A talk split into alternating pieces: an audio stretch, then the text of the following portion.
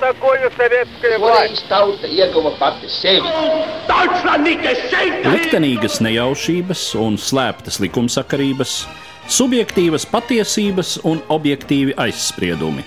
Pēc atkušņa nekad nenāk uzreiz pavasars, bet sākās Arī šodien cilvēki ir ļoti tuvredzīgi. Viņi redz to naudu, kas ir. Televīzijā jau pamatā notiek cīņa par varu. Pagātne no šodienas skatu punkta un šodienas caur pagātnes prizmu. Raidījumā šīs dienas acīm. Katru svētdienu Latvijas radio eterā Eduards Liniņš. Labdien, cienījamie klausītāji! Šomēnes atzīmējam 30. gadsimtu kopš 1991. gada janvāra barikāžu notikumiem. Un šajā sakarā vairākos raidījumos vēstām par norisēm, kas tuvināja Latvijas valstiskuma atjaunošanas cīņu šai kulminācijai. Šoreiz par notikumiem 1990. gadā. 1990. gada pirmajos mēnešos toreizējās Padomju Savienības Savienotajās republikās notika to likumdevēju augstāko padomju vēlēšanas. Padomju totalitārisma ziedu laikos tā bija formāla demokrātiskas procedūras imitācija, taču 1990. gadā saskaņā ar Mihaila Gorbačova perestroikas jeb pārbūves politikas nostādnēm tās jau bija daļēji brīvas vēlēšanas, kurās savus kandidātus varēja izvirzīt arī nepadomiski politiskie spēki. Latvijas Tautas fronte izšķīrās par valstiskuma atjaunošanas stratēģiju, iegūstot nepieciešamo vairākumu augstākajā padomē, kura tad ar savu balsojumu deklarētu Latvijas neatkarīgā valstiskuma atjaunošanu. Stāsta publicists, tolaik Latvijas Tautas frontes priekšsēdētājs Dainis Īvāns. 89. gads vispār bija tāds liels lūzuma gads visā Austrum Eiropā, un tas arī izšķīra Austrum Eiropā totalitārismu demontāžas procesu. Jo ļoti daudz tautas, ne tikai mūsējā, vien daudz izteica savu izvēli par pavisam citu, par rietumniecisku ceļu, par virzīšanos projām no Kremļa, no tās Kremļa totalitārās politikas. Pirmā bija Polija, kas mums bija liels piemērs, kur šajā 89. gada sākumā pirmo reizi uzvarēja alternatīvās vēlēšanās, un solidaritāte praktiski gāza nevarmācīgā ceļā parlamentā ar visu Polijas komunistisko Jerozeļska režīmu. Un Latvijas Tautas fronte bija tā, kas tūlīt pat pieprasīja PSRS toreiz augstākajai padomē noteikt arī Latvijā tādas pašas vēlēšanas. To prasīja mūsu valdes locekle Ita Kozakeviča, kura bija ļoti cieši saistīta ar šo poļu sabiedrību, kā poļu biedrības priekšsēdētāju. Kaut arī pirms tam bija dažādi strīdi par to, vai vajag piedalīties šajās vēlēšanās, vai mēs tādā veidā nelegitimizēsim šo okupācijas varu, paši tur it kā piedalīties. Pēc polijas vēlēšanām bija skaidrs, ka tas ir faktiski reālākais un iespējamākais ceļš, kā mēs savus mērķus varētu sasniegt. Tautas frontē bija jau pieredze, jo pirmo parlamentārā ceļa soli mēs bijām spēruši jau 1989. gada martā, kad vēlēja deputātus pie Sestāvas deputātu kongresam. Un šajās vēlēšanās Tautas fronte guva diezgan ievērojumu uzvaru panākums, kas mūs iedvesmoja tālākiem soļiem. Jo no 52 no Latvijas ievēlētajiem PSRS tautas deputātu kongresa deputātiem 40 bija tautas frontes kandidāti. Mums neizdevās pat pēc Baltijas ceļa akcijas panākt to, lai pēc iespējas ātrāk tiktu noteikts nacionāla līmeņa vēlēšanas, kur mums bija skaidrs, ka tas būs tas veids, kā mēs iesim uz neatkarību, kaut arī vēl skaidra tā pati programma nebija. Bet toreizējā vara visā Padomju Savienībā noteica, ka 89. gada beigās ir jābūt uh, vietējo padomju vēlēšanām. Nu, vietējo padomju vēlēšanas, tāpat kā visas vēlēšanas padomju laikā, bija arī tāda zināma fikcija, bet Gorbačova laiks atkal tur pieļāva tādu alternatīvu. Decembrī notika šīs vēlēšanas, un atkal Tautas fronte guva apmēram 80% deputātu mandātu visos Latvijas vēlēšanu apgabalos. Ļoti svarīga loma visos šajos vēlēšanu pakāpēs ar vienu pieaugušu lomu bija Tautas fronts izveidotajam vēlēšanu koordinācijas centram, jeb kā mēs vienkārši to saucām par vēlēšanu centru. Vispirms jau organizēt PSRS tautas deputātu vēlēšanas, mēs atradām tādus piecus puišus, brīvprātīgos, daļa studenti, daļa nāca no dažādiem institūtiem, kuri profesori Ilmāra Vītola vadībā sāka funkcionēt. Tāds pieredzes jau nebija. Vēlēšanas jau nebija vēlēšanas padomju savienībā. Un tad jau pēc šīm PSRS tautas deputātu vēlēšanām mēs sapratām, ka šim vēlēšanu centram jākļūst profesionālam.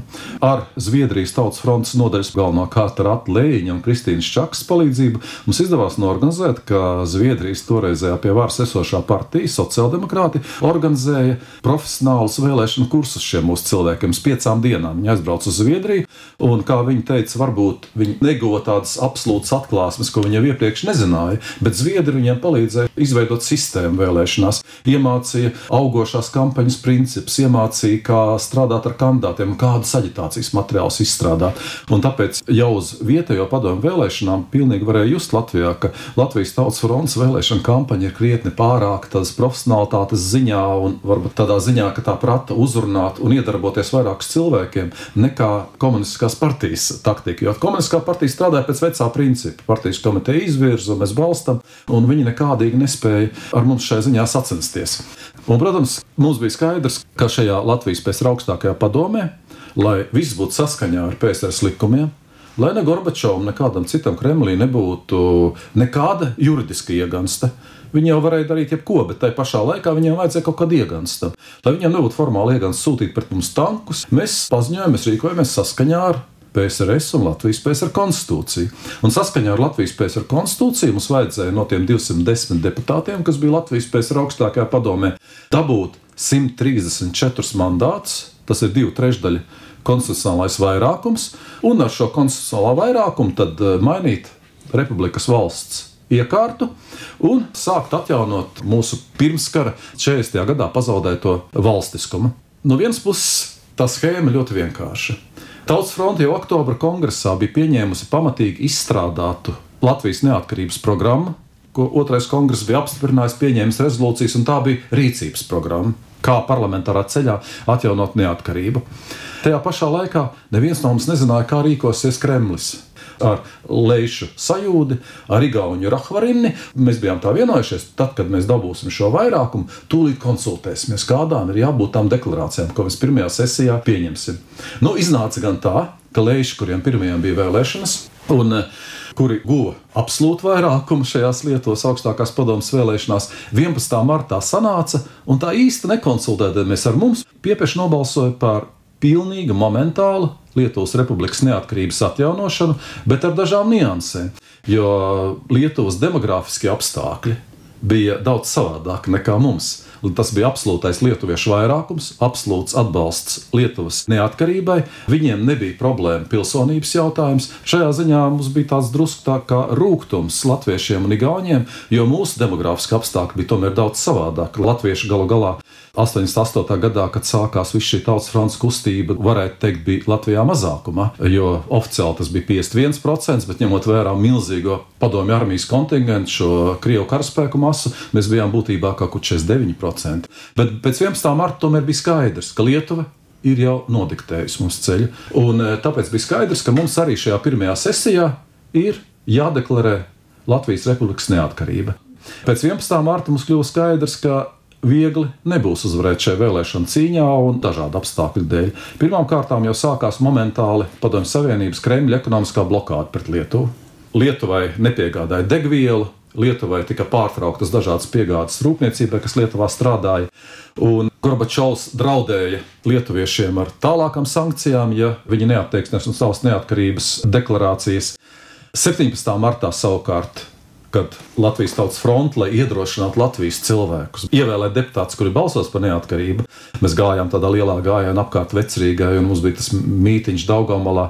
Tad ir viena tāda fotografija no šī mītīņa, ko es vienmēr atceros, kur es esmu savu mazo dēlu plecos. Man tā diezgan tāda domīga, domīga seja. Un es atceros, tagad, kāpēc tā ir domīga. Jo tieši šajā brīdī man pienāca cilvēks no Tautas fronts un paziņoja, ka viņas ielās ir izgājuši tanki. Tādas skaistas tanku kolonas, kuras nešāva, bet kuras brauca, žakstot ķēdēm gar Lietuvas saimas namu, pa ģedimina prospektu. Un mums bija pilnīgi skaidrs, ka šie tanki tik daudz nav domāti lietuviešiem, jo tur jau viss bija skaidrs, bet tanki bija domāti mums. Un tad es zinu, ka man bija jāiet šajā 17. marta vakarā pēdējo reizi televīzijas panorāmā 5 minūtes, un cilvēki kaut kā jāiedrošina balsot. Nebija jau tikai šī armija, tas milzīgās karabāzes masa, tā tieša agresija Latvijā. Nebija tikai interfronta, nebija komunisti, kas darbojās pret tautas fronti. Tautas fronti mēģināja sašķelt un noniecināt arī, nu, varbūt tādi cilvēki, kurus sauc par pragmatiskiem spēkiem, arī latviešu tautas vidū. Tas nebija ilgs laiks, kā bija nodibināta Latvijas lauksaimnieku savienība. Viens slānis, viena Latvijas kolhozu priekšsēdētājs, Ohoza direktora, rūpnīcas direktora apvienība, diemžēl arī daži pazīstami inteliģences pārstāvi parakstīja tādu aicinājumu, kas tika publicēts toreizējā lauka avīzē mūsu mīļās Latvijas patriotiem aicinājums zemteksts bija pilnīgi skaidrs. Nebalsojiet par tautas fronti, balsojiet par šiem jaukajiem cilvēkiem, kas nāk no komunistiskās partijas aprindām, bet viņi nav interfronti, viņi ir labie komunisti. Jo viņi ar Gorbačovu sarunās, viņi draudzīgi sastrādāsies ar Kremli. Šeit nebūs nekādas satricinājumu, mums būs desas, viss mums būs. Protams, šie cilvēki varbūt balstījās arī uz vēlāk Gorbačova aprindu tādiem piedāvājumiem tautas frontē, kā mums mēģināja nopirkt, ka viņi teica, mēs jums iedosim baltiešiem īpašo statusu. Tā kā iekšējā Hongkonga vai iekšējā Somija, jūs nebūsiet neatkarīgi, bet jūs taču varat pacelt mūsu ekonomiku. Mums vajadzēja diezgan labiem argumentiem būt un pārliecībai, kāpēc jābalso par neatkarību, kā mēs izdzīvosim, jo pamatā šie labie cilvēki, labie komunisti, kas aģitēja pret tautas fronti, teica tā, ka Latvija taču nevar izdzīvot bez Maskavas. Mums vajadzēja atrast ārkārtīgi stingru argumentāciju, kur runāt tam pretī. Būtībā man tas bija jāizdara 17. martā, vakarā, 5 minūšu laikā. Un varbūt arī tas izdevās, jo mēs jau zinām arī šo vēlēšanu rezultātu, ka tomēr Tautas fronte šajās vēlēšanās gan divās kārtās, jo mēs jau nevienējām tajā 18. bija otrā kārta vēl. Mēs dabūjām beig beigās 132 Tautas frontes deputātus. Bet 132, tas nav 134, kas bija vajadzīgs konstitucionālam vairākumam. Tā kā tomēr joprojām saglabājās tāds zināms satraukums, ka par neatkarību var nenobalsot pie tām pēc vēlēšanām, jo, kad bija zināmi rezultāti, Rīgas debesīs izlidoja tādi sūni zaļi padomju armijas helikopteri, kur birdināja lapiņas par jaunajiem nacistiskiem, fašistiskiem spēkiem, kur nāk pie varas, kur tūlīt pat vērsīsies pret citādi runājušiem iedzīvotājiem. Un mēs jau arī nezinājām, vai katrs deputāts būs gatavs balsot par šo pilnīgo neatkarību. Mums vajadzēja vēl vienu reizi pierādīt, ka mūsu tauta grib neatkarību, ka tie nesam mēs. Martā tieši pēc vēlēšanām no tautas frontes es, Ilmārs Bišers, kurš bija valdes loceklis, un toreizējais Latvijas PSR ministrs padomus priekšsēdētājs Vilnis Edvins Bress un Antons Gornovs, kurš bija Latvijas PSR priekšsēdētājs, bet abi ievēlēti arī jaunajā sastāvā.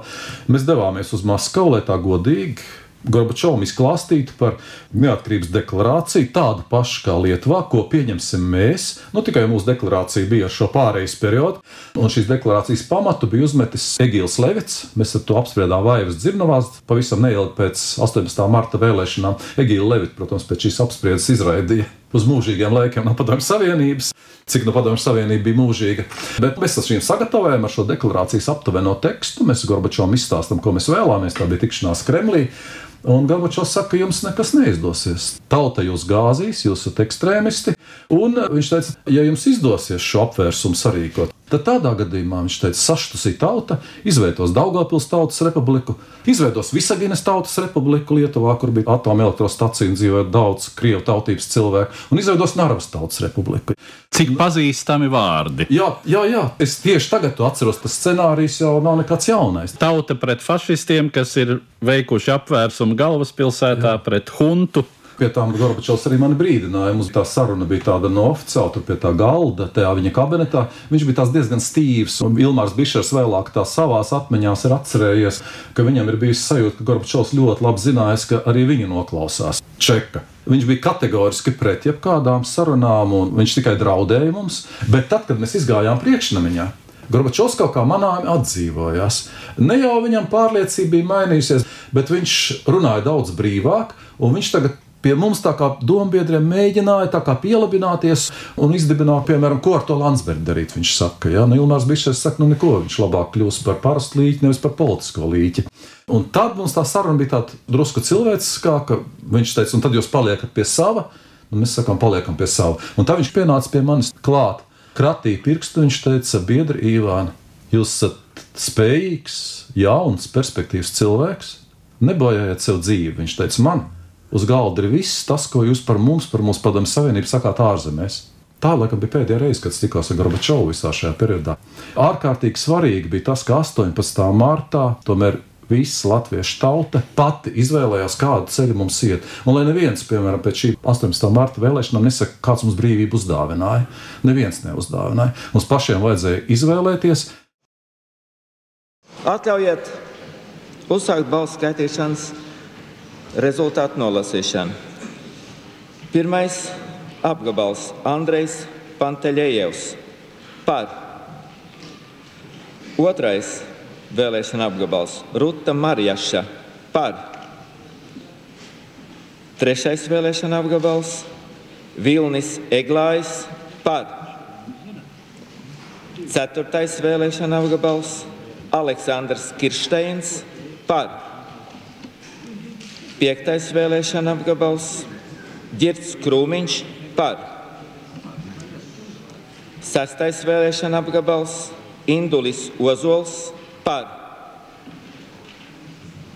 Septītais vēlēšana apgabals Oļegs Batarevskis par. Astotais vēlēšana apgabals Intis Ints Cālītis par.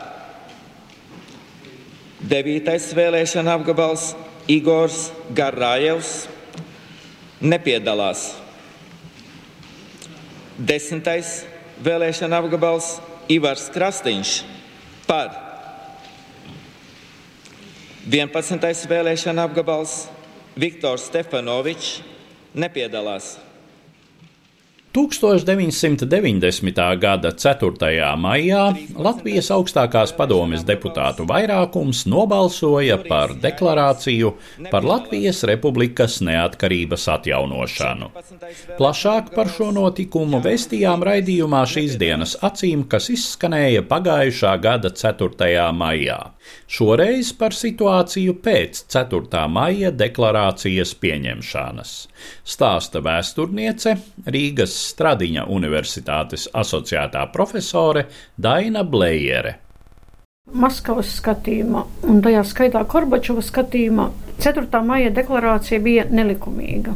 Respektīvi, viņš uzskatīja, ka jautājumu par atdalīšanos no Padomju Savienības var izlemt tikai atbilstoši attiecīgam likumam, par izstāšanos no PSRS, saskaņā ar kuru šāda izstāšanās vispār reāli nebija iespējama. Otram kārtām, ka šis jautājums ir jārisina visu Latvijas iedzīvotāju referenduma ceļā. Un Maskavas galvenā prasība jau kopš 1990. gada 14. maija, kad Gorbačovs izdeva dekrētu par Latvijas neatkarības deklarāciju. Nostāja bija tāda, ka kaut kāda jautājuma risināšana var sākties tikai tad, ja neatkarības deklarācija tiks apturēta kas absolūti nebija pieņemams Latvijas pusē. Jo jautājums bija par to, ka atšķirās tie pamatprincipi, uz kuriem balstījās viss strīds. Un no Latvijas puses pamatprincips bija tas, ka runa iet par Latvijas neatkarības atjaunošanu respektīvi par Molotovu-Ribbentropa pakta seku likvidāciju. Kas attiecās uz Maskavas nostāju, no Maskavas viedokļa bija runa par izstāšanos no PSRS, kas nozīmē, faktiski, ja mēs izstājamies, tad mēs zinām mērā it kā esam likumīgi iestājušies. Ja no Latvijas puses tātad pamat jautājums bija par to, ka tā bija nelikumīga aneksija, ka mēs esam nelikumīgi nokļuvuši Padomju Savienības sastāvā, tad Maskavas viedoklis bija tāds, ka šī atrašanās Padomju Savienības sastāvā faktiski ir leģitīma, neatkarīga no tā, kāds bija Molotova-Ribbentropa pakta sekas un tam līdzīgi. Otram kārtām bija tas, ka Gorbačovs visu laiku cerēja, ka Baltijas valstis tomēr izdosies pierunāt vai piespiest piedalīties jaunā savienības līguma noslēgšanā un parakstīšanā. Un faktiski visa tā politika bija vērsta uz to, lai to panāktu. Vai nu ar labu, vai ar ļaunu.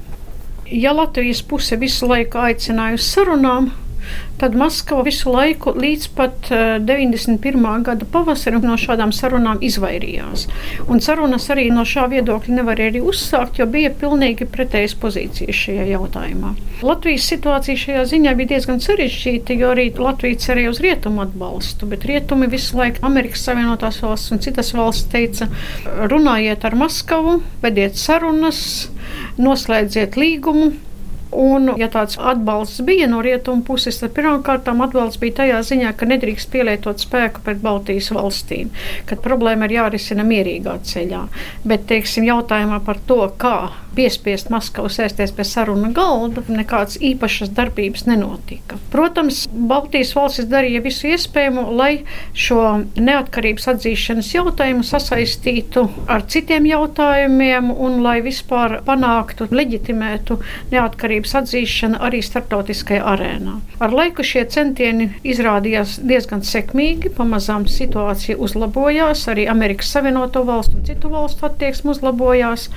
Arī tādos tādos jautājumos, kā jautājumā par PSRS un uh, ASV tirniecības līguma noslēgšanu 1990. gada maijā, jūnijā. Šis jautājums par attieksmi pret Baltijas valstīm tika risināts tādā vai citādā veidā. Tas noveda arī pie tā, ka tika atcelta blokāde pret Lietuvu. Taču Gorbačova politika visu laiku bija tāda, ka tomēr cerības panākt, ka Baltijas valstis tādā vai citādā veidā paliks šīs atjaunotās padomju savienības sastāvā. Savukārt uz to arī spēlēja neatkarības pretinieki Latvijā. Interfronte, kas tolaik jau bija apvienojusies, maijā apvienojās darba ļaužu pilsoņu un tiesību aizsardzības organizācija, apmēram tā tā saucās. Vēlāk tā pārtapa par Vislatvijas pilsoņu tiesību aizsardzības komiteju. Un Latvijas kompartijas vadība, kas pēc sašķelšanās 1990. Eh, gada aprīlī bija pārgājusi Alfreda Rubika un viņa atbalstītāju rokās. Un rezultātā viņi, protams, centās radīt iespaidu, ka principā šī vara nav likumīga ka lielākā daļa Latvijas iedzīvotāju, ja notiktu referendums, tad noteikti balsotu par palikšanu Padomju Savienības sastāvā. Piemēram, frakcija līdztiesība augstākajā padomē apgalvoja, ka par tautas fronts kandidātiem ir balsojuši tikai 39% balstiesīgo vēlētāju un tam līdzīgi. Bez šaubām ļoti lielas cerības tika liktas uz Krieviju, sākotnēji tie signāli bija ļoti cerīgi. Jūlija sākumā sākās sarunas ar Krieviju, tika izveidota delegācija sarunām ar Krieviju par starpvalstu līguma noslēgšanu. Un bija daudz un dažādi paziņojumi no Borisa Jeļcina puses, kā tiekoties ar visiem Baltijas valstu līderiem, tā arī tiekoties ar Latvijas līderiem par to, ka Krievija bez šaubām atbalsta Baltijas valstu neatkarības centienus. Taču jāsaka, ka praktiski viss izrādījās daudz sarežģītāk. Jo 1990. gada septembrī Krievija atteicās parakstīt starpvaldību līgumu, atteicās iekļaut tā saucamo politisko sadaļu, respektīvi to sadaļu, kurā Krievija atzītu Latvijas neatkarību. Viens apstākļus bija tas, ka atbalsts Baltijas valstīm, Krievijas vadības atbalsts šajā gadījumā, tā saucamā Krievijas demokrātu, zināmā mērā tas bija, bet tas bija ar zināmiem nosacījumiem. Kaut kādā ziņā Krievijas demokrāti līdz galam neizprata, cik svarīga Baltijas valstīm ir tieši šī nacionālās pašnoteikšanās problēma. Viņi pirmkārt uztvēra demokrātiju kā cilvēktiesību un personiskās individuālās brīvības problēmu. Un tur jau slēpās nākošo konfliktu iedīgļi. Otra lieta bija tā, ka Borisam Jeļcinam Baltijas republikas bieži vien bija sava veida taktiska kārts, lai izdarītu spiedienu uz Gorbačovu. Viņam arī vajadzēja atbalstu no citām PSRS republikām savā konfrontācijā ar Gorbačovu. Un, protams, ka Baltijas valstu atbalsts viņam ļoti bieži noderēja. Tajā pat laikā, tikko viņam izdevās atrast kaut kādu vienošanos ar Gorbačovu, saskaņot intereses ar Gorbačovu, tā uzreiz atbalsts Baltijas valstīm mazinājās. Tādēļ Krievija, protams, bija interesēta risināt kaut kādas ekonomiskas problēmas, bet daudz mazāk bija interesēta politisku līgumu slēgšanā un neatkarības atzīšanā. Līdzīga problēma bija arī ar citām padomju republikām, varbūt pat izteiktāk bija ar šīm padomju republikām, jo lielākajā daļā no tām pie varas joprojām atradās vecā komunistiskā nomenklatūra. Un patiesībā liela daļa no tām bija ļoti uzmanīga, īpaši Vidusāzijas republikas, arī Ukrainas vadība zināmā mērā tajā laikā, Baltkrievijas ļoti tā distancēti un ļoti uzmanīgi skatījās uz to, kas notiek Baltijas valstīs, un nebūtu īpaši nesimpatizēja daudzos gadījumos.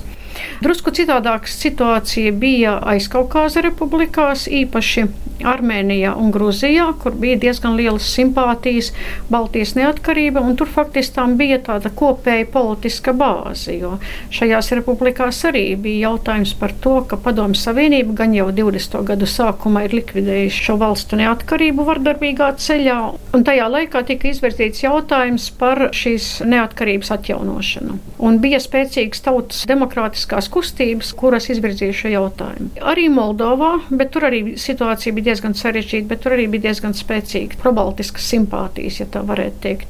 Tā kā tādi īsti sabiedrotie drīzāk varētu teikt bija aizkaukāzā, zināmā mērā Moldovā, daļēji Ukrainā, no Ukrainas rietumu. Jā, pārsvarā Ukrainas rietumu daļā.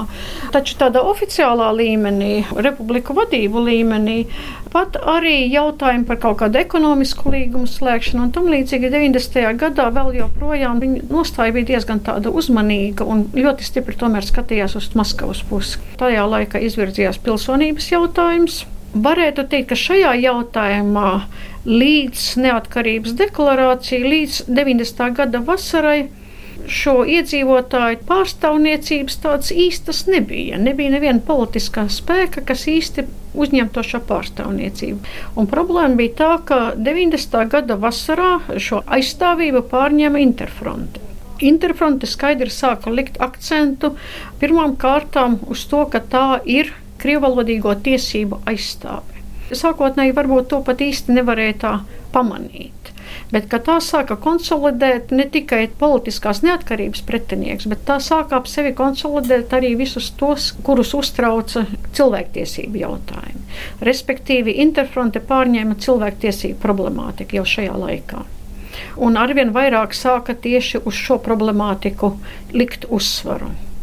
Jo arī viņi arvien vairāk sāk apzināties, ka principā šis neatkarības atgūšanas process ir neatgriezenisks. Tādēļ viņi arvien vairāk sāka pārslēgties uz cilvēktiesību problemātiku, kas arī pēc tam, pēc 91. gada augusta, kļuva par Interfronts mantinieku galveno politiskās darbības jomu. No vienas puses, Gorbačovs baidījās pazaudēt savu demokrāta imidžu rietumos, no otras puses, arvien vairāk no viņa aizgāja tie līdzgaitnieki, kas bija demokrātiskāk noskaņoti un arvien lielāku ietekmi uz viņu atstāja, varētu teikt, tā reakcionārākā daļa no viņa līdzgaitniekiem. Un jau 90. gada rudenī jau zināmā mērā bija noformējusies tā grupa, kura tad vēlāk arī 91. gada augustā organizēja šo puču valsts apvērsumu mēģinājumu. Pugo, Jazovs, Janājevs un tam līdzīgi. Viņi, protams, centās Gorbačovu kaut kādā veidā piespiest veikt kaut kādus striktākus pasākumus pret Baltiju. No otras puses, Gorbačovs zināja, ka viņš nevar īsti veikt šos militārus pasākumus, un, ja kaut ko dara, tad to var tikai ar kaut kā cita rokā. Līdz ar to bija šīs omonu vienības, kas vairākus gadus jau pastāvēja Latvijā. Taču būtiski bija tas, ka tās izdevās pārvilkt interfrontes pusē un padarīt par neatkarīgām no Latvijas iekšlietu iekšlietu ministrijas, lai gan tās formāli bija pakļauts Latvijas iekšlietu ministrijai. Ir pilnīgi skaidrs, ka Baltijas kara apgabals bez šabām ņēma dalību. Ir skaidrs, ka visi tie sprādzieni, kas notika pie kongresa nama un citur, ka tie, spriežot pēc visa, bija ar sprākstvielām, kas bija dabūts no armijas daļām, ka tā cimēt profesionāli spridzinātāji to bija veikuši, jo viss bija labi izrēķināts, cik stipram jābūt lādiņam un kādas tas bojājums drīkst nodarīt un tam līdzīgi. Nemaz nerunājot nerunājot, protams, par materiālu un tādu morālu atbalstu interfrontei, kuru sniedza Baltijas kara apgabals dažādos veidos. Notika centieni eskalēt tik tālu, lai būtu iemesls ieviest prezidenta pārvaldi bija sava veida darba dalīšana. Teiksim, frakcija līdztiesība augstākajā padomē tā drīzāk centās kaut kādā veidā diskreditēt parlamentāro procesu, ja tā varētu teikt, vismaz to apgrūtināt. Savukārt kompartijas vadība un visas tās organizācijas, kas ap to grupējās, un Baltijas kara apgabals centās kaut kādā ziņā apvienot ap sevi krievvalodīgos iedzīvotājus, panākt to, lai teiksim, izveidot kaut kādu masu opozīciju. Ne ar visai lielām sekmēm, drīzāk bez īpašām sekmēm, bet tomēr. Protams, viņiem bija sava sociālā bāze, īpaši tā saucamajos lielajos vissavienības uzņēmumos, tādos kā Alfa, piemēram. Taču visumā šī bāze tomēr bija diezgan ierobežota. Liela daļa krievalodīgu iedzīvotāju tomēr diezgan tāda distancēta pozīcija bija. Viņi drīzāk gaidīja, kas notiks. Un tas jau parādījās arī 91. gada janvārī ļoti skaidri. 1990. gadam tuvojoties noslēgumam, pretstāves starp Latvijas Tautas fronti un Latvijas suverēnā valstiskuma atjaunošanas pretiniekiem arvien sāsinājās. Omona vienība arvien aktīvāk spietoja ap preses nāmu, kuru, kā zināms, tā ieņēma 1991. gada 2. janvārī, pārtraucot uz neatkarību orientēto preses izdevumu iznākšanu. Tā bija barikāžu laika tiešā prelūdija. Par notikumiem 1991. gada janvārī klausieties mūsu raidījumā nākamsvētdien, 17. janvārī. Savukārt šodienas raidījums izskan Raidījumā dzirdējāt vēsturnieci Rīgas Stradiņa Universitātes asociēto profesori Dainu Blējeri un publicistu, savulaik Latvijas Tautas frontes priekšsēdētāju Daini Īvānu.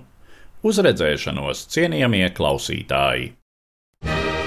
Katru svētdienu Latvijas radio viens par pagātni sarunājas Eduards Liniņš.